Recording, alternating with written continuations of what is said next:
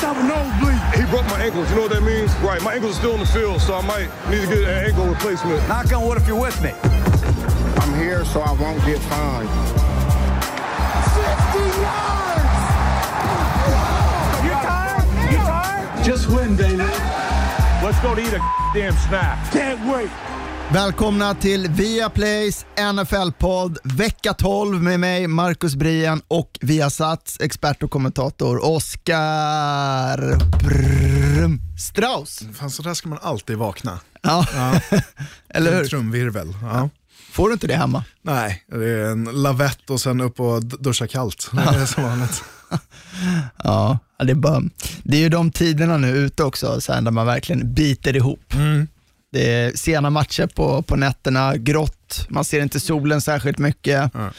lite småhängig, förkyld. Jag var ute och gick med min fru i lördags och så bara, ah, är inte Sverige vackert? här, går alltid bara grått, inte ett löv på ett träd. Nej, vidrigt är vad det är. Men, och, och varje vinter så frågar här, varför bor jag här? Eh, och sen så kommer sommaren och så bara, nu vet jag varför jag bor här. Men det är ja, sju månader av vinter. Hur är läget annars då? Nej men det är bra, lite sur på taxibolag här i Stockholm som inte kan komma i tid, men annars är det bra. Ja. Ja. Ja. Det, jag är ju van för att sitta och vänta på dig här nu. Ja, ja. ja. men det är inte mitt fel, det är taxibolagens fel. ja såklart. Ja. såklart. Ja, du, eh, som sagt, vi går ju lite mot tuffare tider och det märks ju också lite i NFL att nu kommer ju agnarna här börja skilja sig från vetet och vi kommer ju se mer matcher också som också kommer spelas under tuffare förhållanden. Eh, Både snömatcher har vi några legendariska genom historien, en del regn och blåst som vi också såg i, i helgen. Och då gäller det att vara, vara förberedd eh, som lag och kunna, kunna anpassa sig där. Och, ja, hur gör man där Oskar, om man vet att man kommer spela en match i liksom, säg extrema förhållanden, förhållanden? Förbereder man sig på något speciellt sätt eller hur? Ja, men det, det minns en, eh, vi spelade för, det här är länge sedan, men, men eh, vi visste att det skulle regna otroligt mycket den helgen, alltså så här rekordregn. Och, och då förbereder vi oss för, bollarna blir ju betydligt mycket tyngre. Alltså de, det, det är ju läder så de tar ju upp massa vatten. Eh, och ty, tyngre och svårare att kasta. Så då dunkar de alla träningsbollar eh, hela veckan i tunnor av vatten. Okej. För att de skulle suga åt sig så mycket vatten och, eh, och, och så att quarterbacksen skulle, och receivers skulle bli vana att eh, ta emot bollar. Um, bara en anekdot till helgens match när Jason Witten tappar två bollar mot, mot eh, Patriots. Och det ser man inte han göra speciellt ofta. Tappa bollar, det man, ser man ju aldrig. Utan är de i hans händer så tar han dem. Eh, och, och det är en sån, en sån grej, för, dålig förberedelse uh, skulle jag säga generellt. Hur påverkas också, tänker jag, så här, gameplanen lite om vad man gör när man vet att det kommer vara snö eller regn eller väldigt mycket blåst och sådär. Jag tänker det borde väl vara att man kanske försöker springa mer med bollen. Springa korta passar, eh, väl, alltså, försöka ta 3-4 yards i taget och, och det blir en batalj om eh, hur man, liksom, om field position.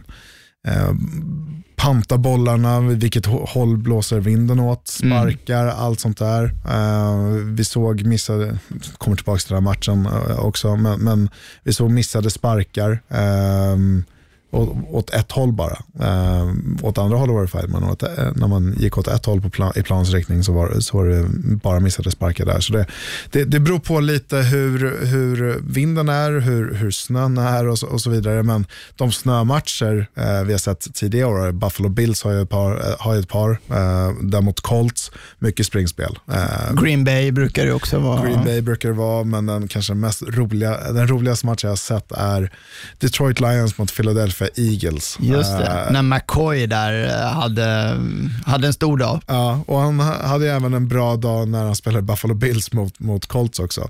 Så de möter ju inomhuslag och så får de komma och sen så spela i den här snön. Då, då är det svårt också. De spelar åtta matcher per år garanterat inomhus. Eh, Så, så är ju de vana med det. Ja, då kan det ju vara så att vissa lag egentligen är, kan vara bättre anpassade då, som du säger, att spela i så här tuffa förhållanden. Absolut. Eh, Green Bay, alltså ha den hemmaplansfavören eh, som, som det redan är och sen så får du lite snö på det, det älskar ju fansen där uppe. Så, så det, då, då, då känner de stark tilltro att de, de kan vinna den här matchen på grund av att det är dåligt väder. Jag minns också när du sa det där apropå, apropå vindens betydelse, någon, någon, någon match som gick till overtime då det laget som, som vann slantsingeln, det brukar alltid vara så att man väljer bollen såklart, men att man valde sidan istället just för att man skulle få den sidan med, med rätt vind så att säga. Ja. Ja, spelar ingen roll om du inte kan sparka in i den 20 eh, kilometer i timmen eller meter per sekund eh, vinden. Om du inte kan sparka in i den så, så ja, då spelar det ingen roll om du får börja med bollen eller inte. Om du inte lyckas få in en touchdown självklart. Det vankas ju nu högtid i USA här med Thanksgiving i, i veckan och man brukar ju säga att från Thanksgiving och in så är det ju liksom slutspurten i ligan och kan man här hitta en positiv trend som man sen kan rida in på i, i slutspelet i, i januari och nu är det ju också slut på alla lags bye weeks. Så från och med nu så är det ju att alla lag spelar alla veckor året ut. Och Ja, vi i Sverige har ju inte den Thanksgiving-kulturen direkt. Det som har kommit hit är väl mest ja, Black Friday då, Ja, eh, eller Black Week som, som det är nu. Man blir bombad med mail, mail och, och så vidare. Men du som bott i USA, eh, Oscar, under flera år, kan du berätta mer om just betydelsen eh, kring Thanksgiving och hur, hur är det i, i USA? Ja, men, eh, I Sverige är vi ganska bortskämda med antal röda dagar eh, generellt sett. I USA är man inte det. Där har du Memorial Day, Labor Day och sen så är det typ ja, men, eh, July 4th och, och, och sen även Thanksgiving. Då. Ehm, så så det, det, det är ledigt på torsdagar. Ehm, och, och jag gick ju på college så, så det var ju ledigt då. då. Eh, så då hade du ett litet lov från torsdag till, till söndag. Och, eh, och då, jag spelade ju match oftast den helgen. Eh, av mina fem år jag var i USA så spelade jag en match tre gånger det året. Men, men det handlar ju om att träffa sin, sin familj. Eh, all, många åkte tillbaka till, till där de kom ifrån eh, och, och hälsade på sin familj eller så kom familjen till dem beroende på hur långt det var. och jag fick hänga med vänner och deras familjer oftast. Okej. Så, så de var väldigt inbjudande och liksom så, men Oscar han, han har inte sin familj här så jag fick hänga med. Vilket var supergeneröst. Eh, och det det handlar om att träffa alla, hela tjocka släk, släkten och sen så en jäkla massa mat. Eh, väldigt associerat med mat och Kal- kalkon. Kalkon framförallt. Mashed potatoes, sweet potato pie, pumpkin pie, allt sånt där. Det är, nej, eh, och sen så äter du och så kollar du fotboll och så äter du igen och så kollar du fotboll och så äter du igen och så kollar du fotboll. Tills, Låter som en drömdag. ja, det är en Ja. drömdag tills du ligger och har väldigt ont i magen på senare på kvällen. Eh, men ja, nej, men det, det, det var vad det var. Och sen så utspela lite fotboll med, med om det är någons uh, syrra eller brorsa som har barn så man är ute och spelar med, fotboll med dem och, och, och så vidare. Så det är lite touchfotboll ute i, i parken eller så. Så det var nej, väldigt härligt, kanske den bästa eh, högtiden i USA, eller som jag har upplevt. Alltså det är inte så jäkla kul att bara, ja, nu firar vi påsk här hemma i Sverige, det är svinkul. Liksom. Det är ty- alltså, samma sak med mat och sådär, det, är väl det är väl samma sak där. Men, men eh, Thanksgiving, ja, det slår, slår det mesta för mig. Och för många är ju också Thanksgiving starkt förknippat, som du själv sa här, med NFL och fotboll. Och man har ju faktiskt spelat en fotboll på Thanksgiving i NFL sedan 1920. Och av tradition så är det ju alltid så att Detroit Lions sedan 1934 alltid har en match på Thanksgiving, en hemmamatch då. Och sedan 1966 så har ju även Dallas Cowboys en Thanksgiving-match. Och sedan ligan då 2006 introducerade Thursday Night Football så är det ju också så att man har ytterligare en tredje match, då, en kvällsmatch. Då, men där innehåller det eh, lite olika lag från, från år till år. Och det här är ju traditioner som är väldigt starka i, i just Detroit och i, i Dallas. Och det finns ju också en tradition som den legendariska John Madden instiftade 1989 som blivit väldigt populär, populärt och det är det som kallas för The Turkey Leg Award. Eh, ett pris då som går till matchens MVP på Thanksgiving där spelaren, bästa spelaren då som utses i, i matchen får en ett riktigt så stort kalkonben i liksom efter matchen intervjun där han då sen ska ta en stor tugga ifrån och i direktsändning och ja, har du fått något sånt fint MVP-pris som ett kalkonben någon gång i någon Nej, match? aldrig fått. Jag har ätit kalkonben men, men aldrig fått det som pris. Uh, har har inte blivit MVP så ofta. Eh, när jag tänker tillbaka på, på min amerikanska fotbollskarriär. Ehm, nej, det är svårt för en offensiv linjeman att bli MVP. Det är, det är inte ofta man blir det. Det är ju skönt för oss också att vi får ju ändå de här bonusmatcherna eh, på torsdag. Så till alla er, se till att ha er kalkon redo och er, och er sweet potato pie. Första matchen börjar 18.30. Då är det då matchen mellan Detroit och Chicago. Sen kommer ju halv elva Buffalo Bills då som åker till Dallas och till sist har vi då Thursday Night Football där Saints ska ta revansch mot Atlanta Falcons för förlusten här för några veckor sedan. Så, och matcherna ser ni på TV3 Sport och via Play. Vilken match vi fick se i Superdome i New Orleans och på TV3 Sport och via Play i mötet mellan Saints och Carolina Panthers. Det var en match som innehöll det mesta med en otrolig dramatik där man till en början trodde att ja, men Saints skulle segla iväg ganska komfortabelt här då man tog en ledning med 14-0 men där Panthers verkligen bet sig fast och gick till halvtid i likaläge och där skillnaden till slut i matchen kom ned på respektive lags kicker nästan, skulle man kunna säga. Där Panthers eh, Joey Sly missade dels två extra poäng eh, i matchen och i slutet av matchen med endast två minuter kvar missade han ett field goal från 28 yards. Och Det här var ju det field goalet i år som hade högst procentuella sannolikhet att gå in, som då missades eh, med 93,5 procent. Men, men Drew Brees fick ju då bollen och när, när Drew Brees får bollen när det är mindre än två minuter kvar, då brukar han vara, ja, som man säger, clutch. Och det var han här också. Han satte upp hans kicker Will Lutz som fick möjligheter från 33 yards och avgjorde matchen med 34-31. Kommer du ner till en, eh, en lika match eller eh, en sån här two minute drive och, och så är alltid frågan vilken quarterback skulle du vilja ha i ditt lag? Just nu så är det Drew Brees, eh, alla dagar i veckan. Han är, han är ju, eller har varit sista åren också, Uh, han är fantastisk när det kommer till sådana här situationer. Jag har haft Peyton Manning, Tom Brady och, och Drew Brees i många år. Men Drew Brees är den som är bäst just nu på, i sådana här situationer och den, den erfarenheten eh, är värd mycket. Det är väl så många faktorer där man måste vara bra på. Du måste ha koll på, på klockan, alltså down och distance, hur långt måste du gå? Du måste snabbt kunna kalla spel liksom, via handsignaler och så vidare och ha en bra kommunikation och vara väldigt träffsäker. Och där är ju Drew Brees, som du säger, han är väl nästan nummer ett där. ja, men veta de här högprocentspelen och, och så mycket, beroende på hur många timeouts du har, eh, också självklart. Eh, nu hade man en timeout kvar den här matchen, eh, så, så att men, men ut mot sidlinjen. Liksom. Och, och det är det man försöker försvara i försvaret också. Försvara sidlinjen, släppa in, liksom, ta upp allting i mitten. Nu var det ganska mycket tid på klockan också. Det var två minuter, det var inte, det var inte 40 sekunder. eller så, här. Så, så det fanns en hel del tid att tillgå för att sparka ett field goal ehm, till exempel. Så, så, äh, men matchen i stort var ju fantastisk, precis som du säger Marcus. Så när det stod 14-0 där efter 10 minuter så var lite orolig. Shit, vad har vi gett oss in oss på när vi tog, visade den här matchen?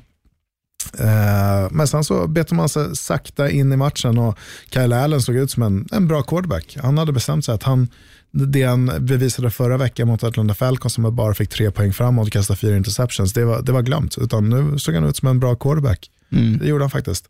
Ehm, så, så um, det var väl att Saints hade keyat upp på Christian McCaffrey väldigt tidigt också. Man visste att mycket går till honom. Det, han tar ju hela laget på, på sin rygg. Um, men um, men de, de betade sig in i matchen ganska bra uh, och sen fick man ett par stopp också uh, på defense. Så uh, det blev en tajtare match än vad jag, vad jag trodde att det skulle bli. Uh, Drew Brees och, och Saints uh, såg ut att vara väldigt bra väldigt länge.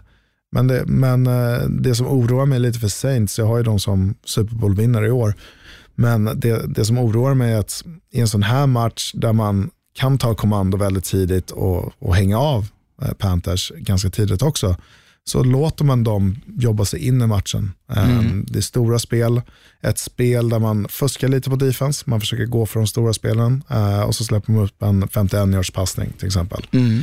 Um, så det är väl där man behöver bli lite, lite bättre. Det var ju starkt här som du sa av, uh, Kyle Allen, quarterbacken i, i Panthers, att komma mm. tillbaka. Jag har haft lite tyngre veckor, började ju väldigt bra, var väl 4-0.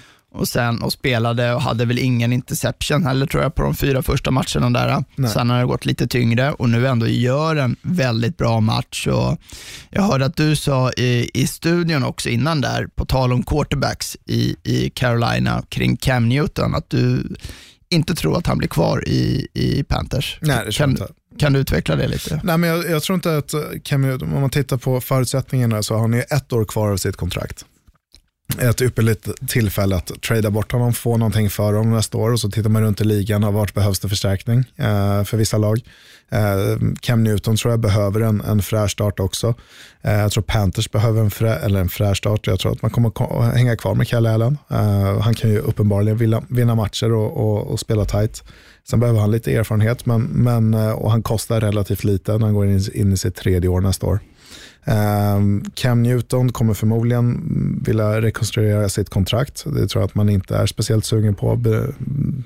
För att han har inte presterat de sista två åren. Mm. Uh, eller sista, sen han var i Super Bowl senast. Um, så så um, jag tror att vi kommer hitta Cam Newton någon annanstans um, inför nästa år. Han kommer bli tradad relativt tidigt innan, innan draften, tror jag. Vad får, man, vad får man ut av en i form av pick skulle du tro? Nej, jag tror inte man får speciellt mycket. Inte, inte bero, på, på, grund av att hur han har spelat det här året, och, eh, de sista åren och att det är hans sista man, man, hjälper Panthers att komma ur den här äh, pengasituationen. Så jag skulle tippa på ett mid, mid pick.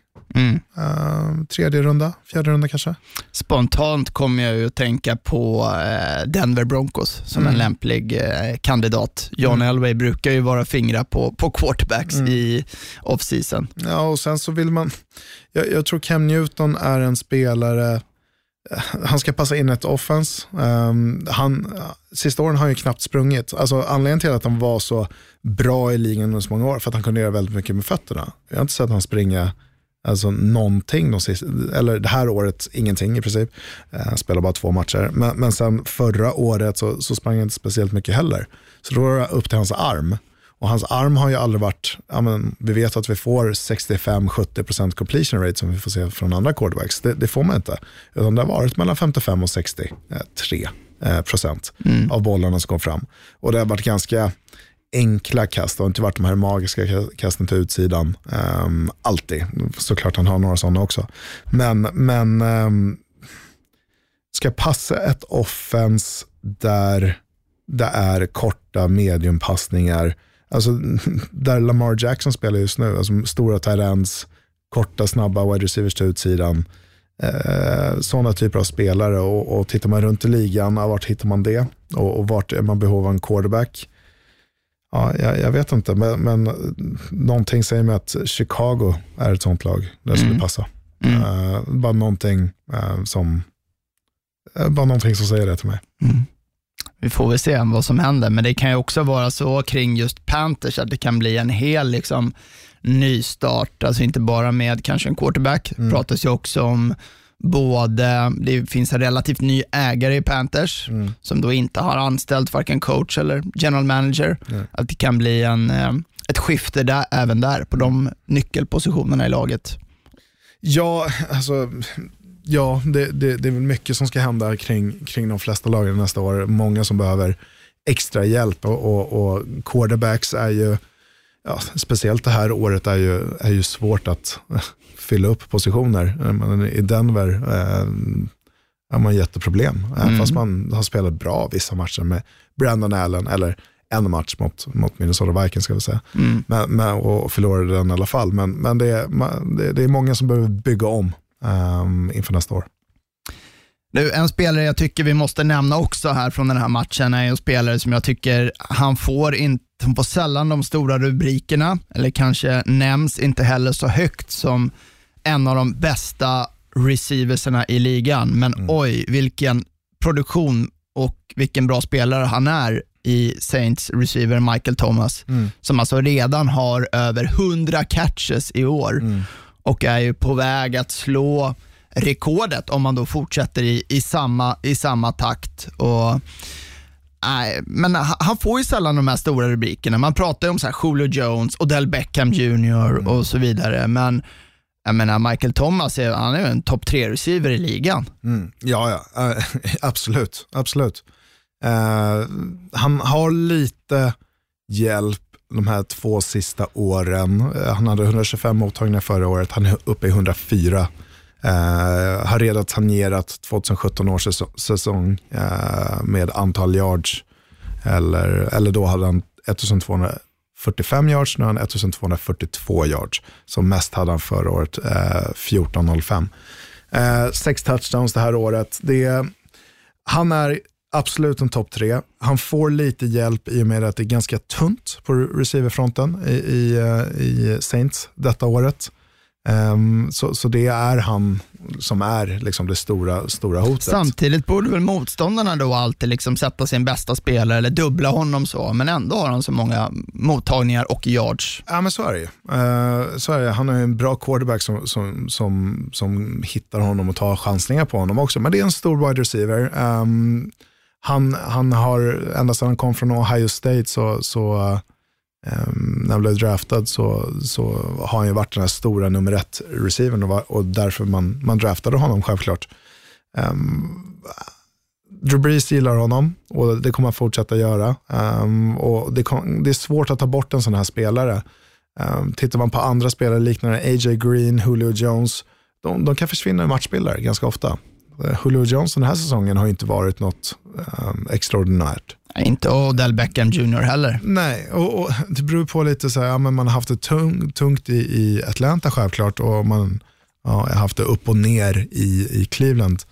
Eh, och det är andra typer av quarterbacks. Jag tycker Matt Ryan är en bra quarterback eh, visserligen. Men, nej, jag, jag, jag är imponerad över Michael Thomas och det han har eh, åstadkommit, det han har presterat på planen eh, det här året och även han gör de här tuffa catches eh, eller mottagningarna över mitten och sen så även kan, kan uh, vara snabb på utsidan och ta ett kort spel som blir ett stort spel istället. Uh, har lite breakaway speed också. Så även fast han fick betalt under den här, Dion Sanders intervjuade honom här på Skype, jag hade det i studion. Uh, så även fast han fick betalt inför den här säsongen så brukar man se spelare som går på dekis lite. Så här, nu är jag betalt, nu är jag klar för resten av livet. Mm ha det och, nej, men, och även prestera på absolut högsta nivå. Eh, så Michael Thomas är kanske en spelare som tar Drew Brees och kompani hela vägen in i en Super Bowl. Mm. En annan grej bara som jag är lite nyfiken på. Eh, jag såg inte hela den här matchen, men eh, du satt i studion. Var lite, hur, hur såg Alvin Kamara ut egentligen? Jag tycker han är, i år har han ju blandat och gett mm. lite. Mm. Varit lite upp upp och ner, inte haft samma stora produktion som, eh, som tidigare, men och det känns ju som att Kamara måste, för att Saints ska kunna gå till Super Bowl, mm. som du tror, så mm. känns ju Kamara som en, som en nyckel att han kommer igång här i slutet. Ja, men så är det. Han har inte varit som han har varit sedan han kom in i ligan för två år sedan. Um, det, det, det, har han inte, eller för tre år sedan, det är hans tredje år. Um, han har inte presterat på den nivån och, och då, jag, jag satt faktiskt och tänkte på det uh, under veckan som var. Alltså, men varför uh, är det så här? Och tidigare har han haft Mark Ingram och Kamara har varit den här spell running backen som kommer in på tredje down oftast. Förra året när Mark Ingram var skadad, uh, eller förlåt, han var avstängd fyra för, första fyra matcherna, så kom Kamara in och, och, och tog över mer och mer och liksom blev den här feature uh, running backen i laget. Uh, men, men i år är det som att ja, men, då är det upp till Alvin Kamara. Det är bara han. Mm. Visst, man har fått in Latavius Murray, uh, kom från Vikings och, och är väl samma typ av running back som springer hårt mellan tackles. Uh, och Kamara ska vara den som gör det på utsidan. Men, men så är det ju också att efter tre år, i, eller två år i ligan så, så vet man vad Alvin Kamara kan göra. Alltså, han är ju väldigt lik till sättet, eller framförallt storleken med, med Christian McCaffrey. Och så, men vad, vad är skillnaden? Men Alvin Kamara har inte, dels han spelat med en annan quarterback eh, i, under fem matcher. Mm. Um, och har inte fått samma, samma boll där, man spelar lika mycket offense. Uh, men sen så ser han inte lika snabb ut. Eh, tycker jag inte. Han ser inte lika explosiv ut som han har varit tidigare. Jag vet faktiskt inte om han har lagt på sig några, några kilon eller hur det ser ut, men han ser inte lika eh, snabb ut, eh, inte lika stark ut. Um, och, och, Det kan ju vara så på en liten spelare som får ta tuffa, alltså running backs tar ju otroligt mycket stryk, många tacklingar. Mm. Uh, är det någonting som dämpar honom där? Det, det, det är någonting jag kommer att hålla ögonen på framgent också. Men Alvin Kamara ska ju vara den spelaren med Michael Thomas som är det här officet och Drew Brees kommer fördela bollarna. Um, men vi har inte sett samma, samma typ av Alvin Kamara som vi fick se förra året framförallt. För två, tre veckor sedan tror jag det var Oskar, när vi diskuterade överskattade quarterbacks så lyfte jag fram just Philadelphias Carson Wentz som, som mitt förslag och fick ja, lite motstånd från, eh, från dig där. Och man kan väl säga att jag har fått lite mer vatten på min kvarn eh, efter hans senaste prestationer. Och, ja, I helgens match mot Seahawks så var ju var ju det en sån typisk match där, där jag i alla fall hade velat se Wentz steppa upp och, och bära laget när de hade faktiskt chansen att vinna en sån här match. Det var ju som man säger en winnable game, mm. lite så, just när deras defense spelade väldigt bra, höll Seahawks till endast 17 poäng, men istället fick vi två interceptions, två fumbles och ja, några helt otroliga missar faktiskt av, av Wentz, bland annat ett spel där han helt opressad passar bollen eller han ska passa bollen om det är 6-7 yards. Till, ut till vänster, där, ut till, vänster ja. till en running back i, mm. i, i fläten som har liksom, ja, fångar han bollen så är det gågata in i, mm. i endzone, men han missar ju den passen med, med liksom 5 yards. Så mm. Deras anfall mäktade bara med 9 poäng och förlorade. Och, tuffa tider för, för både Wentz och Eagles som förvisso hade en del spelare också borta på receiverposition, ska mm. man ju säga. Men, ja. Ja, men det, jag såg någon meme på, på Carson Wentz receivers och så stod Carson Wentz med en påse skräp. Liksom, ett par skräp. Och, och, och, och, det kan jag väl hålla med om att det, det är inte den roligaste wide receiver-styrkan man har i, i Philadelphia. Men faktum är att Philadelphia Eagles har hållit två lag nu två veckor i rad till 17 poäng och lyckas inte vinna. Mm. Eh, och det är Seahawks och, Patriots och man lyckas inte vinna. Uh, förra veckan var det uh, punts. Jag vet inte om det var 10 punts i rad eller 17 vad det var. Men, men det ser bedrövligt ut i Philadelphia. Det ser bedrövligt ut. Man får ingen rull alls. Man har flera olika typer av running backs. Uh, Jay Ajayi har man till och med hämtat hem för att få någonting extra. Miles Sanders såg bra ut. Jag, jag gillar Miles Sanders, men, men Carson Wentz ser bedrövligt ut.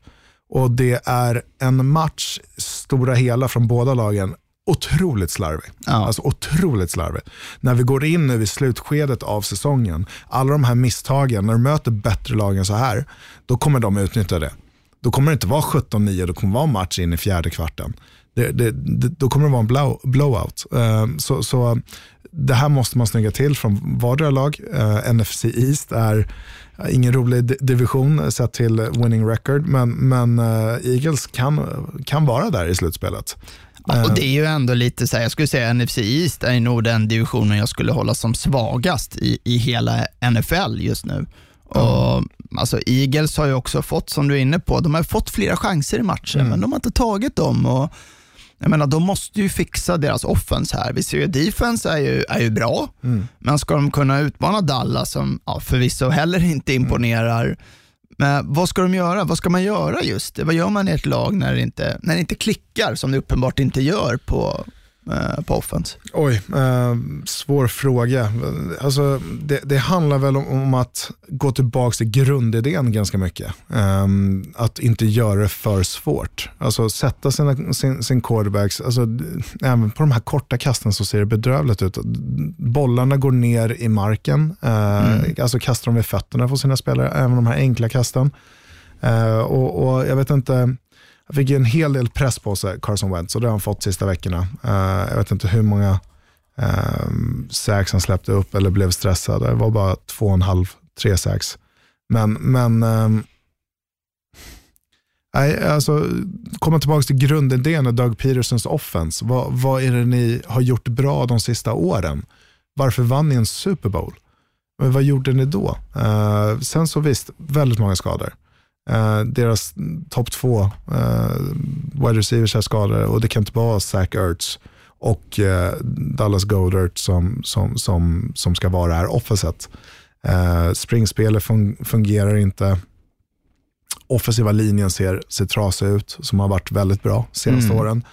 Uh, och, och Carson Wentz ser stressad ut, som är liksom rådjur i, i headlights. Och det, Nej, tillbaka till grundidén och, och, vad den är, är svårt att säga också. När inte de här enkla kasten, inte det enkla springspelet fungerar. Um, sätta sig i bra situationer egentligen. Mm. Uh, det, det det handlar om. Alltså, vill man vara det här förutsägbara laget som alltid springer på first down för att ha andra av fyra, andra av sex, andra av sju. Uh, istället för att ha uh, andra av tio. Som man måste passa återigen. Um, de, de är bedrövliga på tredje down också, eh, Philadelphia. 4 av 12 den här veckan. Um, var bedrövliga förra veckan, jag tror de var 3 av 13 och så här. Så det sätta sig i bättre situationer generellt och, och hålla sitt lag levande. Um, defense gör det de ska, men, men när du har, är det fem turno, fyra turnovers de har? Um, fem turnovers Ja, fem stycken. Mm. Goddard har en, en fumble och, och Carson Wentz två och sen två interceptions. Mm. Har du fem turnovers, då vinner du inga matcher. Nu har ju, som tur är kanske för Eagles, har ju de en tacksam motståndare. De möter ju Miami Dolphins i nästa vecka och det kan ju vara en sån perfekt match för dem, tänker mm. jag i alla fall, att försöka hitta tillbaka lite, få en vinst, få en boost här in i december så man verkligen kan utmana Dallas i i divisionen och även kunna bli lite, lite friskare som, som lag kanske. Och ser vi på Seahawks här, då, de hade ju, hade ju det kämpigt i den här matchen. De leddes ju här av deras running back, eller andra running back kanske man ska säga, i mm. Rashard Penny, mm. som hade 129 yards och en touchdown. Och Det är ju bra för Seahawks att kunna luta sig mot det en dag när Russell Wilson har det tufft. Mm när deras nummer ett receiver, eh, Tyler Lockett, eh, helt raderades ut utav Philadelphia Eagles. Och även Chris Carson har ju haft en del stora fumble-problem och frågan är, kommer vi inte få se mer just utav Rashard Penny nu framåt? När... Jo, han kommer äta sig in. Eh, Chris Carson eh, har, han leder ligan, jag tror åtta fumbles eh, det här året. Så, så, så han han har haft problem med det tidigare eh, och, och, och, har det återigen i den här matchen. Så Rashard Penny kommer, få, kommer äta sig in mer och mer i det här backfieldet. Eh, vet att det var, jag tror det var förra året som det någonstans etablerades att Chris Carson var den här running backen som, som var nummer ett. Eh, men men han ser ut att tappa den positionen lite nu. Det kommer vara lite mer split backfield mellan Rashard Penny och Chris Carson. Eh, speciellt om du inte kan lita på Chris Carson. Det är inte härligt att ha en running back som du inte kan lita på eh, i vått och torrt. Att ja, här får jag mina yards, eh, men det kanske blir en, en fumble. Det, det är ingenting. Mm. Det, det, är, inget roligt. Det, det, är inte det man vill eh, känna. Och Rashard Pennys eh, touchdown som man har, långa,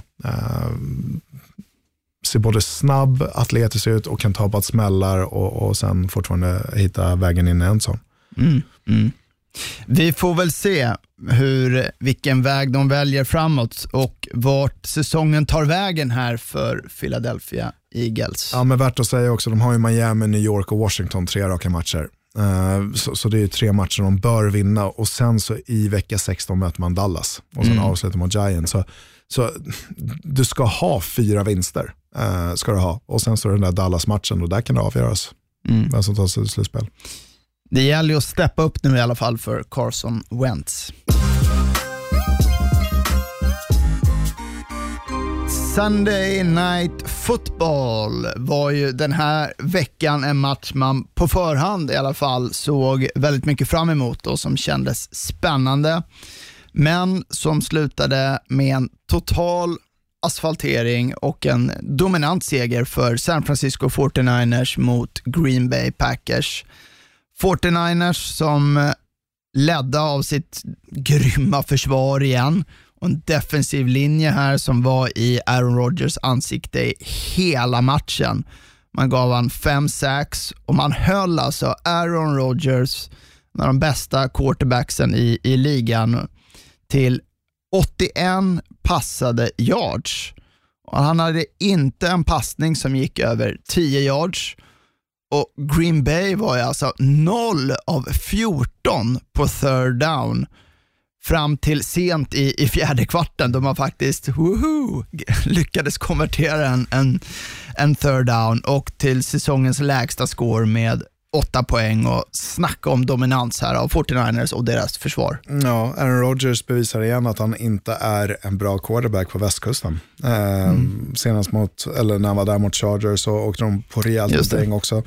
Eh, hade en bedrövlig match på, på offense och, och nu gör man det igen och det är svårt att säga, är det Green Bay som är dåliga eller är det här defenset i San Francisco 49ers så jäkla bra att man kan hålla en av ligans bästa quarterbacks till 80 yards eh, framåt. Ja, det är otroligt. Eh, det, det, är, det är galet. Och, och Jimmy Garoppolo och, och Kyle Shanahan som, som offensiv koordinator och head coach nej, ser fantastiska ut. Ja. Alltså Garoppolo, kan man lita på honom vecka ut och vecka in? Nej, det kan jag fortfarande inte. Men med det här defenset kan, kan jag lita på att de gör det de behöver för att vinna matcher? Ja, det kan jag. Ehm, så så det, det, det är en anledning till att de är 10-1. Flera olika running backs som kan göra det där extra lilla. Du har en, en fantastisk tight end, Ja. George Kittle. Härligt att han var tillbaka nu, George Spelar Kittle. på en bry, bruten fotled. Ja. Den är bruten. Vilken annan sport gör man det i? Alltså det, det, alltså, någon, någon får gärna argumentera för mig varför, idiotiskt kan man säga också att det, det är att spela på en bruten fotled, men varför amerikansk fotboll inte är världens bästa sport. Någon kan få argumentera mot mig när som helst med det. Det, det finns, kommer ha fel varje gång. Det här är fantastiskt och att spelare verkligen gör allt det här. Det finns ju en anledning till varför man har ont i kroppen eh, resten av livet som, som en själv. Men, men, eh, men jäklar eh, vilken, vilken spelare han är och, och det han uträttar på plan. 129 yards, sex bollar kastade till sig, sex mottagningar, en touchdown. Och den Ja. touchdownen han gör är ju ja, magisk. Ja, och jag menar, de har det här fantastiska defenset Mm. som nu, ja, de håller ju Rodgers till rekordlåga siffror. Mm. Deras anfall här är ju väldigt, var ju också väldigt dominant. Man springer mycket med bollen, man springer med många olika spelare och Mm. ingen designar ju liksom springspel som, som Kyle Shanahan gör. Det, det, det finns ju inte. Och Sen har man de här stora spelen man kan få från George Kittle, även från wide receivern eh, Devo Samuel som har, har steppat upp här. Och jag vet i, i vår livepodd som vi hade eh, så var det ingen av er i NFL-studion, experter då, som tro, tippade på 49ers i, i en Super Bowl. Eh, men med en sån här till liksom statement game så är det lite så här, men vad, vad krävs det mer liksom för att man ska kunna ta dem på helt allvar? Ja, men jag, jag, en quarterback som man kan lita på. Eh, jag, jag kan inte lita som jag sa tidigare, jag kan inte lita på att Jimmy Garoppolo gör det här vecka in och vecka ut. Det kan jag faktiskt inte. Um, Har ju spelat bra i år. har eller? spelat bra men har haft några matcher där han inte, uh, tror det var två veckor, spänn, eh, två veckor sedan, han spelade mindre bra. Eh, och sen kom tillbaka och, och vann eh, mot Arizona Cardinals. Men, men det var två veckor sedan mot, mot Seahawks där det var väldigt struligt. Ehm, men, men ja, eh, och den förlorar man med att man missade ett, ett field goal eh, egentligen. Så, så de skulle kunna varit 11 eh, 11-0. Eh, Men nej, det, det är väl det som håller mig lite så här, mm, kan jag lita på, på Jimmy Garoppolo att han, att han Ja. gör det här vecka in och vecka ut. Annars ser allting jättebra ut. Uh, Kyle Juszek som är fullbacken, han gör väldigt mycket för att det här springspelet ska fungera. Ehm, så så um, med de här, det, det är inga stora namn. Tevin Coleman var liksom backup i Atlanta. Uh, sen har du Mostert som har, som har kommit in och så Jeff Wilson Jr. Uh, och sen så är Matt Breda, han är, han är borta med skada. Och när han kommer tillbaka så blir det ytterligare en dimension och eh, en tyngre typ av eh, running back. Så det, nej, mycket ser bra ut i det här laget. Eh, Ja, och man är ju ligans bästa lag ja, just nu, nej, sett till sitt record. Och visst, man har pratat mycket om så här schema hit och dit, men Mm. nu slår man Green Bay här övertygande. Och man, Men det, men det är liksom, tufft ja. framgent. Det är tufft. Ja, så är det. Ehm, är det. Så, så är mycket, mycket, mycket att bevisa. Mm. Eh, kan man vinna de här nästkommande två matcherna, då, då, då är jag köpt. Mm. Eh, men men eh, mycket att bevisa. Att vinna 37-8 på hemmaplan mot Green Bay Packers, hatten av. Mm. Eh, alltså fantastiskt. Uh, liksom stor scen, Sunday night. Ehm, och, och liksom eh, dominant. Eh, jag har inte sett ett lag som kommer in, är 8-2 och blir så förnedrade som Green Bay Packers blir faktiskt. Men Green Bay här, ska man, ska, man bli, ska man bli orolig här? De har ju börjat hacka lite. De har två förluster nu på de tre senaste. Ingen riktig rytm i anfallet och jag vet, vi pratade om det ganska tidigt på säsongen också, att de, de, där fick de också med sig segrar där det, ja, som var i väldigt tajta matcher, eh, där de fick ganska mycket till, till sin favör utan att se sådär eh, ja, eh, otroligt bra ut. Jag, jag, jag tycker inte man bör bli orolig. Eh, Däremot så är det ett lag som är upp och ner. Jag, jag tror inte de tar sig till en Super Bowl. Eh, självklart har man sig till slutspel, men, men eh, det, det är upp och ner. Uh, alltså du kan vinna matcher, Kansas City, visst Patrick Mahomes spelar inte. Um, du förlorar mot Philadelphia där de kör över dig på, i springspelet. Um, om man tittar på de tre matcher man förlorat. Och så är Chargers helt kassa eh, framåt, får ingenting framåt. Och sen som nu här igen blir i princip nollade framåt. Um, det, det, det är ett lag som de kommer förlora en match till eh, den här säsongen, resten kommer de vinna. Eh, så de kommer, ja, då kommer de vara 12-4 och, och sen ta sig till slutspel. Eh, blicka framåt, Giants, Washington, Chicago, Minnesota, Detroit. Där vinner alla förutom mot Minnesota, för Minnesota spelar på hemmaplan och då brukar de vara bra. Ehm, så, så de kommer ta sig till slutspel. Väl i slutspelet så vinner man första rundan och sen uh, torskar man i divisionals. Det, det är där jag har eh, Packers. Ehm, men, men, för jag kan inte lita på dem att de gör, alltså, det kommer vara sådana här plattmatcher och sen så kommer du spela fantastiskt, men, men oftast mot lite sämre motstånd. Ja, gladast här var ju säkert också Minnesota Vikings nu, där de gick upp på delad nu i divisionen, där då bägge lagen nu är 8 och 3.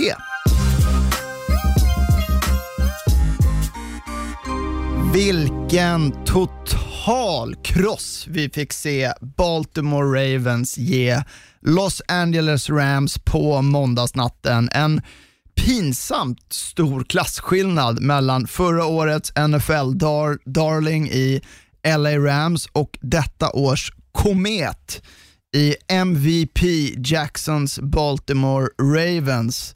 Och här var det ju inget snack om vilket lag som var bäst och Baltimore var ju ostoppbara och sprang sönder Rams vars springförsvar inför den här matchen var ändå rankat femma.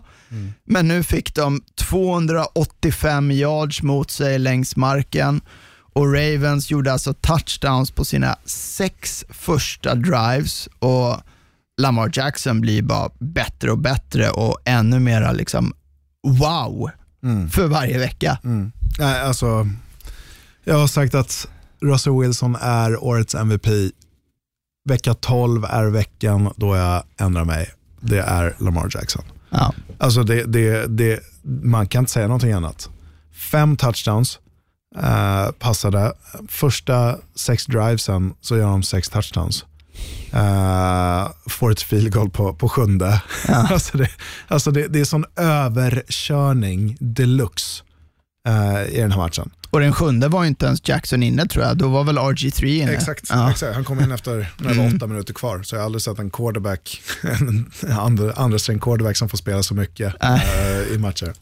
Nej, och, och, alltså, vi måste ju också ge det här till coachen i, i Baltimore känner jag, John, John Harbaugh, som alltså förra året bestämde sig egentligen mitt i, i säsongen för att ge det här laget till Lamar Jackson och också att de, de har ju byggt det efter hans styrkor. Alltså många pratar om system hit eller dit och jag har mitt system och så här ska vi spela. Men här har man byggt det totalt efter eh, Lamar Jacksons eh, liksom skillset och man har ju också adderat här de perfekta pusselbitarna.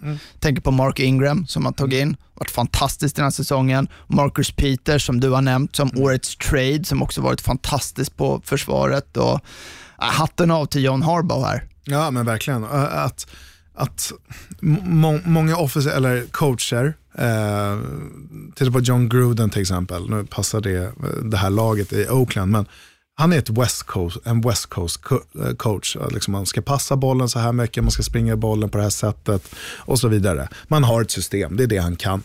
Eh, och, och här plockar man in Greg Roman som är offensiv koordinator eh, och, och säger, ja, men, nu gör vi så här, vi, vi, vi formar vår spelbok. Vad kan vi göra? Vi går ner i college och tittar. Vad gör man där? För det, det, det är det Lamar Jackson är. Han är ju en sån, sån quarterback som man får se på college oftast, men aldrig lyckats i NFL. Eh, och, och Vad gör man där så bra? Eh, och, och, och, så applicerar vi det i NFL. Kan vi göra det? Ja, tydligen så kan vi ju det. Och, och tydligen jäkligt, jäkligt bra. Och så tar vi ihop en, en bra fullback. Vi har tre bra running backs. Vi draftar Justice Hill i tredje rundan tror jag är. Eh, plockar in Mark Ingram. Och, och sen så har vi tre tight som är Humle, Dumle och Fumle. Eh, kommer jag hitta på där. Fumble. Eh, inte. Fumle, eh, utan B. eh, och och, och eh, liksom bara tar över matcher med sitt offen som är spektakulärt till de spelen de kallar det liknande. Nej, det, det är spelarna som gör det.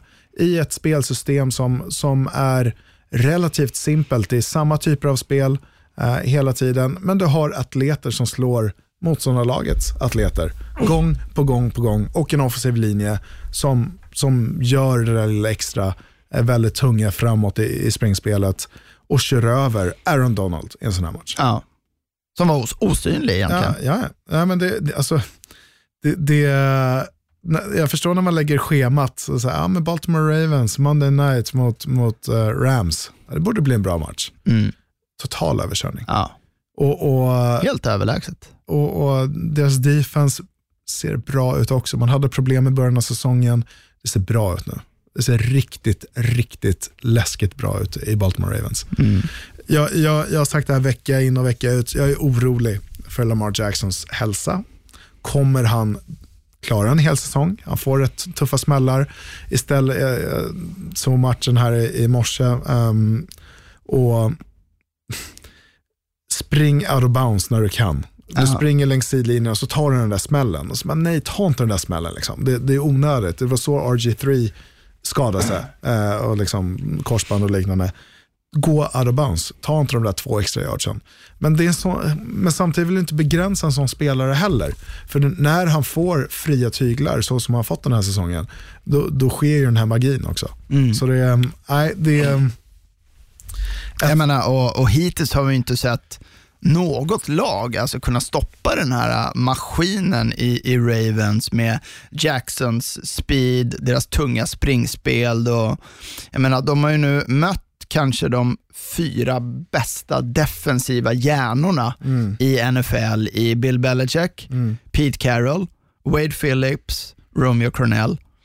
Och Lamar Jacksons facit mot dem är alltså 13 touchdowns, 0 interceptions, 8 yards per attempt, 7,3 yards per carry, 4 vinster och totalt 153 poäng mot 49 då. Och det är ingen som har svar just nu på hur man stoppar Ravens anfall. nej. eh, alltså det, det, nej, jag, jag vet inte heller. Eh, det, det, det är helt galet. Och, eh, titta på november här, de sista matcherna, Lamar, alltså 13 touchdowns, 777 yards, 9,25 yards per försök, 143,3 i quarterback rating i snitt. Och 300 yards rushing och 3 rushing touchdowns Ja, också. ja. Dessutom. Nej, det, det, jag vet inte vad jag ska säga. Det, det, jag har inte sett ett sånt elektrifierande eh, lag och spelare på många år. Nej. Ehm, och, och det är svårt, det är såklart man vill säga att det här laget kommer vinna Super Bowl, men jag, jag tror fortfarande det laget, som jag sa i livepodden, det laget i AFC eh, som får hemmaplan i, i AFC-finalen kommer, kommer ta sig till en Super Bowl. Ehm, jag tror man måste räkna med Patriots ändå, även fast det, jag tycker det ser bedrövligt ut på offense. Bedrövligt kan jag inte säga, men, men det, jo det sa jag, men, men eh, det ser inte lika bra ut. Det är Nej. deras defense som vinner matcher åt dem och special teams. Men för, för Rams här då, alltså, här är ju, vilken scenförändring och vilket bevis också på hur snabbt det går i, i NFL. Som jag sa, förra året var de explosiva, de var snabba, de var oförutsägbara och slog upp jättemycket poäng medan nu så känns de ju långsamma, tröga, man får kämpa lite för varje yard och som du förutspådde här för några veckor sedan att Rams som då förra året var i Super Bowl ser nu verkligen ut att missa slutspel i år. Och det är, äh, det är tungt alltså. Vad, Ja, det, det, det är galet. Det, det, eh, som du säger, det skiftar enormt snabbt. Jag tänker bara på alla, alla de här videorna man såg på sociala medier förra året med Sean McVay. Vilken jävla snille och han kan komma ihåg spel utan till. Hur många sådana videos har det varit? Det? Nej, inte så här många.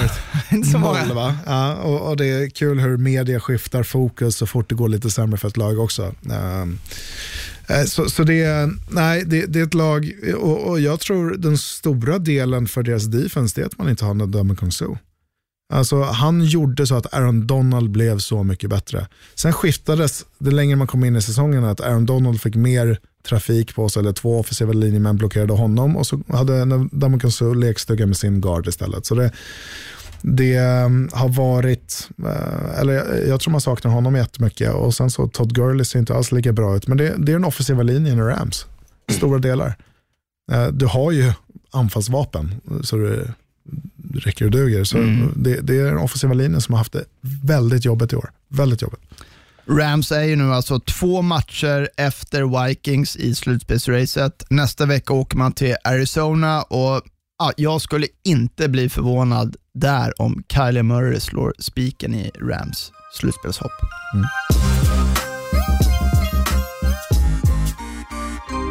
Några snabba korta om övriga matcher. Houston Texans tog en viktig seger i kampen om första platsen i AFC South mot divisionsrivalen Indianapolis Colts då Houston vann med 2017. Tråkiga Colts hade inte ett spel över 20 yards och skillnaden i matchen var de stora spelen där Deshaun Watson hittade både Will Fuller och DeAndre Hopkins med några riktigt fina långa spel som blev avgörande. Den obekväma sanningen Frank Gore passerade i söndags Barry Sanders och är nu uppe på en tredje plats på listan över de spelarna i NFL-historien med flest sprungna yards. Han gjorde i matchen för sitt Buffalo Bills mot Denver Broncos som Buffalo där vann med 23. Hatten av för Frank Gore. Igen så hördes det burop över Soldier Field i Chicago där hemmalaget gick till paus i underläge 7-3 mot New York Giants. Giants ledning borde dock varit större efter två missade field goals av deras kicker Rosas, vilket sen också visade sig bli kostsamma då Chicago vaknade till liv i andra halvlek och lyckades vinna med 19-14. Efter att i två raka veckor sett helt för, förvandlade ut från ett av de sämsta lagen i ligan till ett av de bästa så var det det gamla dåliga Atlanta Falcons tillbaka i söndags. Man var där chanslösa och förlorade mot Tampa Bay Buccaneers med 35-22. I Tampa hade receivern Chris Godwin en ny enastående match med 184 yards och två touchdowns. Snacka om ett genombrottsår av Godwin. Cleveland Browns hade inga som helst problem att, att enkelt besegra Miami Dolphins på hemmaplan med 41-24. Jarvis Landry hade två touchdowns för och 148 yards och för första gången sedan vecka två mot New York Jets hittade hans polare OBJ Enson med en touchdown. Vi får se om Browns kan fortsätta segertåget och på allvar blanda sig i kampen om en wildcard-plats i AFC när de i nästa vecka har ett minst sagt laddat möte med Pittsburgh Steelers. Det var sannoliken inget skönspel i matchen mellan Washington Redskins och Detroit Lions, men var ju det när Washington tog säsongens andra vinst och rookie-quarterbacken Dwayne Haskins tog sin första för karriären när man vann med 19-16. Apropå fans så var, det, var några fans i Washington så fyndiga att de klätt sig i neontröjor och satt sig på läktaren att de med färgen formade orden “Sell the team”. Det var det här New York Jets jag drömde om inför säsongen. För första gången i år så njöt jag fullt ut och Sam Darnold spelade sin bästa match i sin NFL-karriär när Jets körde över Oakland Raiders med 34-3. Credit ska också ges när credit förtjänas och head coach Adam Gaze har faktiskt fått fart på Jeff Jets offense som i tre raka matcher gjort exakt 34 poäng och hade eh, i den här matchen riktigt bra play calling. På andra sidan bollen gav coach Gruden redan upp i tredje kvarten då han bänkade sina stjärnor Derek Carr och Josh Jacobs. Det finns nog inte många spelare som haft en tyngre vecka än Pittsburgh Steelers quarterback Mason Rudolph. Fyra interception, slagen i huvudet av en hjälm, fått böter på 50 000 dollar, dollar anklagad för rasistiska ord och nu bänkad i matchen mot det vinnlösa Cincinnati Bengals. Hans ersättare Devon Duck Hodges behövde bara två spel för att kasta för mer yards än vad Rudolph gjort i matchen och Hodges ledde sitt lag till seger med 16-10. Kanske var det här också sista starten för Mason Rudolph. Tennessee Titans satte minst sagt gasen i botten i tredje kvarten mot Jacksonville Jaguars och gjorde där fyra raka touchdowns inom loppet av sex och en halv minut. Ryan Tannehill är sannoliken en uppgradering på quarterback-positionen och runningbacken Derek Henry var en riktig beast i matchen och sprang för 159 yards och två touchdowns där man vann med 42-20. Förra veckan sa Tom Brady att lagets styrkor var deras defense och special teams. Och Det visade man verkligen upp igen här i matchen mot Dallas, där man i regnigt väder vann med 13-9. Dallas har fortfarande inte vunnit mot lag som har fler vinster än förluster i ligan och som alltid när Dallas förlorar så höjs det röster mot coach Jason Garrett som här blev utcoachad av räven Bill Belichick.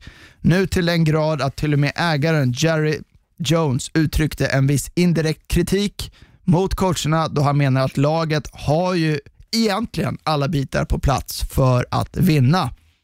Mm. Oscar, mm. ja, ju... har de det i Dallas? Ja det, ja, det tycker jag. Det tycker jag. Alltså, laget i stort är ju bra. Sen så ska det komma ihop och spela som ett lag också. Och det är väl där det inte funkar och, och vems fel är det? Jo, men det, det kommer ju ner på coacherna. Så är det. Så mm. är det. Uh, så, så tittar man på laget i stort så, så ska de absolut kunna vinna matcher och, och de skulle kunna vunnit den här matchen också. Uh, visst, dåliga förhållanden och så vidare, men det är samma för båda lagen. Uh, och, och, Det var de här två spelen när Gilmore tar en interception uh, innanför 30-årslinjen och sen en blockad punt av Ma Matthew Slater som gör att Patriots vinner den här matchen. Annars så hade inte de speciellt mycket framåt heller. Två missade field goals, visst. Dallas hade ett missat field goal. Så, så uh, nej, det, um, det um, var en konstig match och sen så kommer det ner till domarna också. Jag var helt galen. Jag har inte sett en tripping penalty på flera år. Just det, det, det var mycket snack om det. var det. två ja. tripping penalties där O-linen försöker etablera, liksom, sätta ner fötterna i marken och komma in och så får de tripping.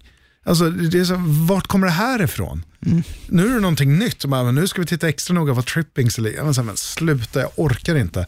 Skitsamma, de, de förlorar matchen Dallas på grund av att de inte spelar som ett lag, får inte ihop det på det sista, får inte jättebra förutsättningar av domarna, visst, men äh, över fyra kvartar så ska du sätta upp mer än nio poäng. Ehm, så. Men eh, nej, Något annat att plocka upp från övriga matcher? Ehm, ja, det, det var ju ganska grått generellt i resterande matcher den här veckan. Ehm, eh, Cleveland så, satte upp ordentligt med poäng på tavlan. Ehm, Jets. Kul att se. Jets, ja, de ville prata om. Nej, men det såg så bra ut och, och jag sa förra veckan tror jag, att, eller ganska säkert att jag sa att det här var en trap game för Oakland. Det hade gått lite för bra. Och är Oakland ett lag som du förväntar dig vinna vecka in och vecka ut? Nej, det är det inte. Och då, då kommer det mot sådana här matcher då man minst anar att man, man förlorar en sån här ma- match på bortaplan, åker från väst till öst, får spela en tidigare match. Typiskt trap game. Eh, Så, så jag tippade att Jets skulle vinna. Eh, Fick man ju rätt i. Tre raka nu. Tre raka. Ja. starkt. 1,1 procents chans på slutspel läste jag. Ja. Håller fast vid det. Ja, vi får se. So say there's a chance. Ja, precis. Ehm, äh, att ehm, Houston vann överraskar mig lite. Även fast jag, jag tippade dem i, i vår interna tipsliga i NFL-studion. Men, men eh, det såg ju bedrövligt ut mot Baltimore och så kort vecka på det. Ladda om. Uh, Deshaun Watson såg ju ja, ska, skadad ut också, dessutom med foten. Ehm, men det Andrew Hopkins visar att han är en av de bästa receiversna i ligan. Alltså, Colts är så tråkiga. De är ju så tråkiga. Ja. Alltså, så de är, för mig är de det nya, som Titans var förut med Mariota nästan. Ja. Alltså Ja. tråkiga. Ja, de, tråkiga. De, de hittar sätt att vinna och de har väl byggt upp ett bra defense, en bra offensiv linje och så utnyttjar man det. Eh, sen så är det ingen chanspel, men så länge du vinner matcher, jag- säger ju samma om New England Patriots, så jävla roliga är de att titta på. Ja. Eh, den här säsongen ska jag säga, det ska tilläggas. Eh, men, men, eh, men de vinner matcher. Nu är inte Colts på samma nivå som, som Patriots är självklart, så är det långt ifrån, men, men man vinner matcher. Um, annars, Pittsburgh, Cincinnati, usch, usch, usch, usch, usch, usch. Ja, Jag vet inte, det, det kommer, eh, jag är tveksam till att Ben Roethlisberger kommer spela nästa år. Eh, om man inte bara säger, han, jag vet att han har sagt att han ska komma tillbaka starkare än någonsin, men det har varit många år av rykten att han ska lägga av nu. Eh, varför försöka, uh, tänker jag.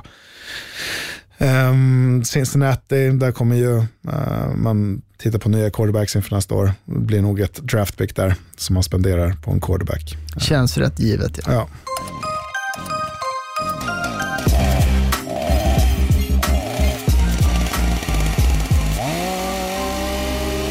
Sågen är igång Oscar. Take it away. Mm. En tränare i Phoenix sa till vårt lag en gång när vi träffades på vårt första lagmöte. If you're early, you're on time. If you're on time, you're late. If you're late, you're fucking fired. Det är de där små sakerna som gör att man bygger en organisation på rätt sätt och förblir en vinnare. Eh, visserligen så vann inte vi så många matcher i Phoenix, jag tror vi vann sex matcher. Um, men, men det, bevisar bara att för vissa lag och vissa organisationer så, så tid är en så här jätteviktig del uh, och spelar en stor roll. I söndags hade vi ett lag som hade förlorat nio matcher denna säsongen, bytt quarterback varannan vecka och sparkat sin tränare. En organisation som genomsyrar förlorar, förlorarandan numera. För när man tar matchens potentiellt sista drive, sparkar ett field goal och går upp i ledning med 16 sekunder kvar, så lägger ett par spelare i den organisation fokus på något helt annat än att stänga matchen, fira med sina lagkamrater och blicka framåt. Man går istället mot läktaren, alltså jag skrattar, mot läktaren och tar selfies med fans. Ja, fint. Det kan man ju visserligen uppskatta att man eh, liksom, fokuserar på fansen, liksom denna tuffa säsong och, och biljettpriserna är all time low och, eh, och så vidare. Men, men kom igen, kanske rätt eh, att ha rätt fokus just då när man vinner den här matchen, eller har chans att vinna matchen. Dwayne Haskins och Washington Ray, eh, Redskins. Patetiskt är det ordet som jag tänker på efter vecka 12. Patetiskt. Om det fortsätter så här så kommer ni förbli en förlorad organisation. We got a game ball. All right.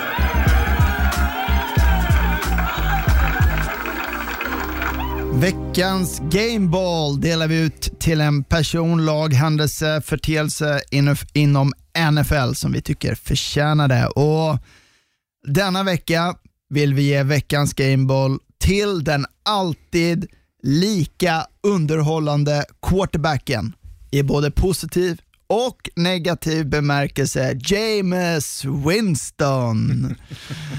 Ja, lite skratt där, men han får ju veckans Gameball här för att om man älskar att se underhållning, att det händer saker i matcherna när man, när man tittar på NFL, så vet man, slå på Tampa Bay Buccaneers och James Winston. Det är precis det man får. Han är ju NFLs berg och, dal, berg och dalbana som blandar högt och lågt som, som ingen annan spelare och det är inte bara från, från match till match det här. Äh. Man vet om man ska få, ja, ska vi få liksom the, the good James or the bad James, utan det är också från drive till drive eller ibland från spel till spel. Och som ett exempel så tänkte jag ju ta här första halvlek i veckans match mot Atlanta Falcons som ett exempel. då.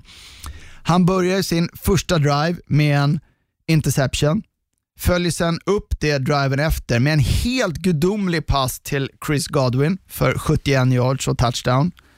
Dri driven efter fattar han ett horribelt beslut innanför egna 20-yardslinje där han ska försöka någon form av hopp hopppass som leder till en pick och direkt poäng då för, för Falcons.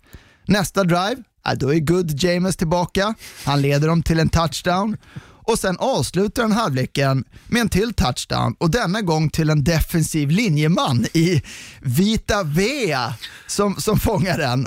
Den tyngsta av eh, tyngsta spelarna att ta emot en touchdown någonsin. Tror jag. Ja, och han avslutar då, det här var bara första halvleken jag pratade om, med 235 passade yards, tre touchdown och två interceptions. Så, ja, det är ju underhållning. James Winston, du får nog liksom alla coacher och fans att känna en enorm förtvivlan och frustration, men du bjuder ju på, på underhållning och Winston är nog li, ligans bästa dåliga quarterback samtidigt som han nog är ligans sämsta bra quarterback.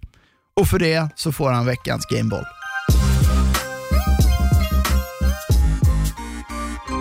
Game of the Week och vilken match vi har att se fram emot i NFL-studion och på Viaplay i TV3 Sport och det är ju en stor möte. Han har aldrig varit känt en sån förväntan som inför den här matchen där de två bästa lagen från respektive conference möts.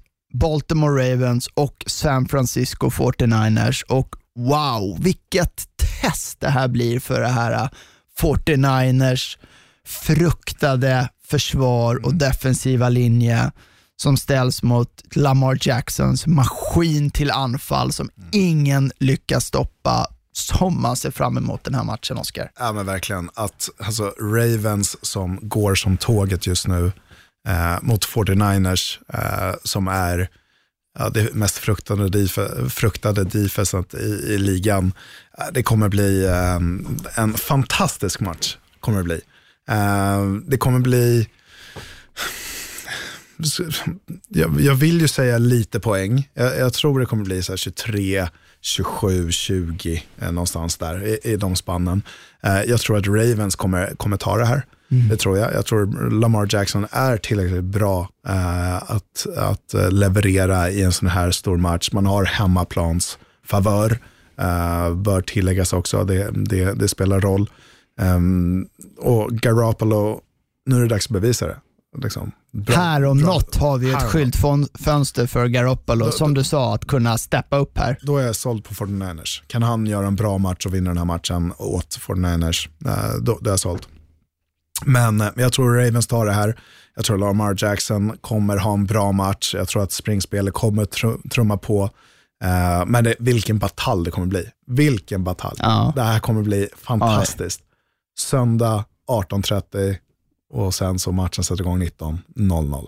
Ja, och vi ska ju vara glada att vi får en sån här kanonmatch. Många har ju försökt få NFL att liksom flexa den här matchen till, Mm. till Sunday night, men tur för våran del att vi Mm. får den här klockan sju på, på söndag och det här får ni ju verkligen inte missa. Hörni. Så vi får se hur det går söndag 18.30 i NFL-studion. So, you know, for now, we're to have to cut you. You. Cut, cut you. Då var det dags för oss att katta inte bara ett utan två lag som då vi säger inte kommer gå till slutspel i år. Börjar dra ihop sig nu, kliver in i december snart och ja, det första laget vi väljer att plocka är att vi säger hej då till Jacksonville Jaguars det första laget faktiskt från AFC South som vi, vi tar bort här.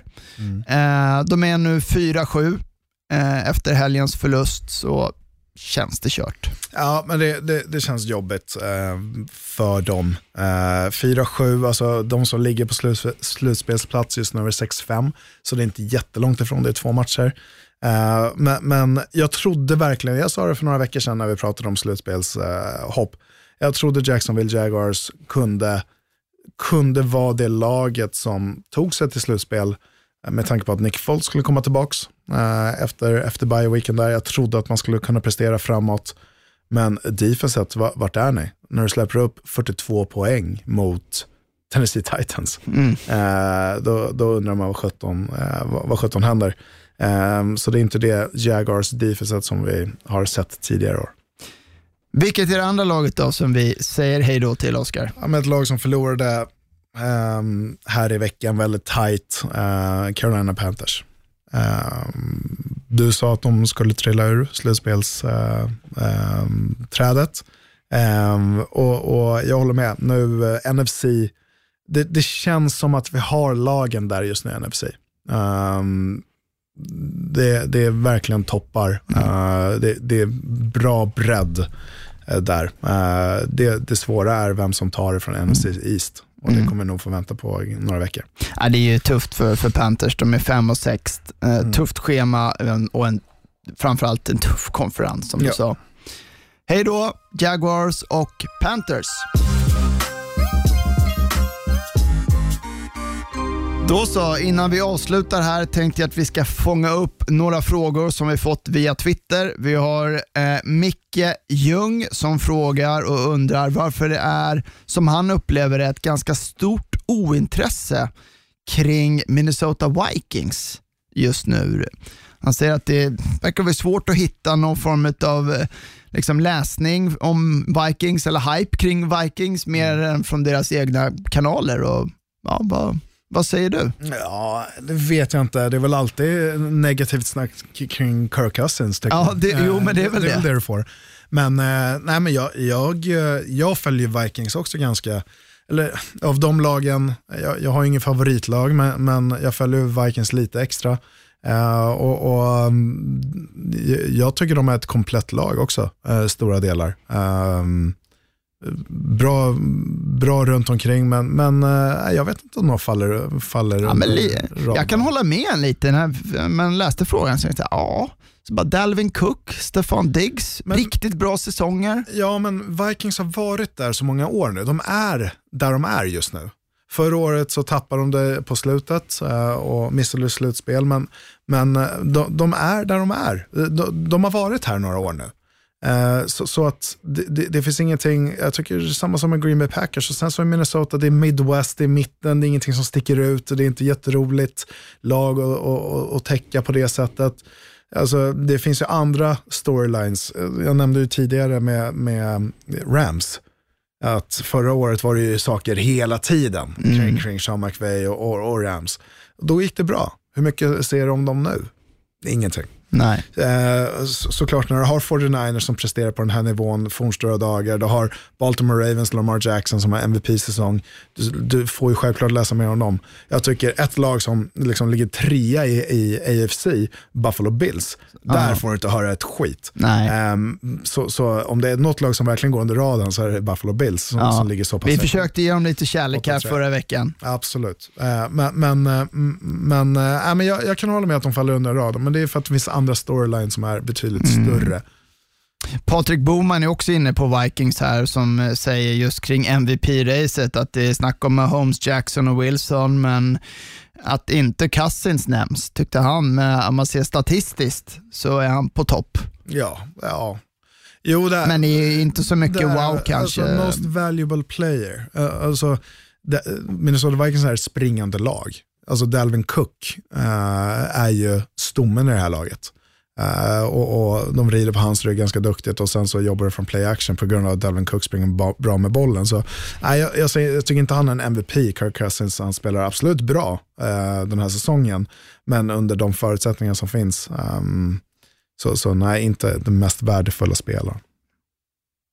Anders Petse- Pettersson frågar en, en ganska tung fråga här eh, faktiskt. Och vem är den bästa defensiva spelaren genom historien? Han bollar upp lite egna förslag här som Ray Lewis, Reggie White och Lawrence Taylor. Och, ja, svår fråga såklart Oscar. Mm, ja, men det, alltså, Lawrence Taylor, LT, riktiga LT, var den senaste spelaren att vinna MVP-priset för, som en defensiv spelare. Ehm, och, och då hade han 20,5 sacks och ja, man får nog säga att han är den bästa spelaren genom tider. Andra spelare, Rod Woodson gillar jag, Uh, gjorde rätt mycket för, för um, Oakland Raiders. Um, nej, förlåt, Rod Woodson. Det är, jag tänker på Charles. Charles Woodson. Ja, Mm. eh, han tycker jag spelar otroligt bra. Rod Woodson var, spelade ju för Pittsburgh Steelers. Eh, men men eh, nej, jag, jag, jag är med där. Dion Sanders var ju också någon sån här spelare, elektrifierande. Ehm, nej, men jag, jag måste ju säga LT, det måste jag göra. Mm. Ja, jag kan ju säga mer inför, eh, om jag ska säga vilka spelare som jag har sett då, eh, så- den bästa defensiva, så ja, det är två namn som kommer upp. Det, det ena är eh, JJ Watt, som jag tycker var fantastisk, innan hans första skada där, var ju totalt dominant. Och sen kanske, ja jag kanske är lite homer, men nummer 24, Darrell Reeves säsong i New York Jets eh, 2009.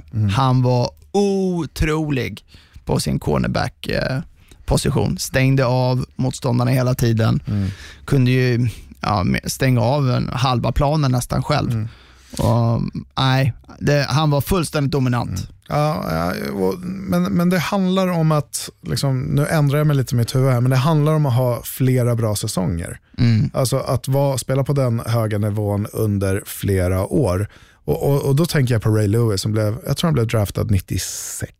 Ja. Ehm, och så vann de en Super Bowl 2001, tror jag. Eh, nu, nu kör jag bara back on my head. Men, men, och sen så vinner de Super Bowl 2013 med Ray Lewis också. Ja. Alltså det, Hans det, sista år det, där, Det är var ju- många år som han har Ja. presterat på jättehög nivå. Verkligen. Ehm, så så um, ja, han och Ed Reed, eller den duon i alla fall, var ju fantastisk. Verkligen. Ja, nej, det var ju, ja, jag, jag håller med dig. Jag, eh, som sagt, lite homer med, med, med, med Reeves kan man ju säga, men det var ju då också senast Jets var, var, var otroligt bra där under Rex Ryan. Och inte att förglömma Mark Sanchez Ja, som oj, quarterback. oj, aj, aj.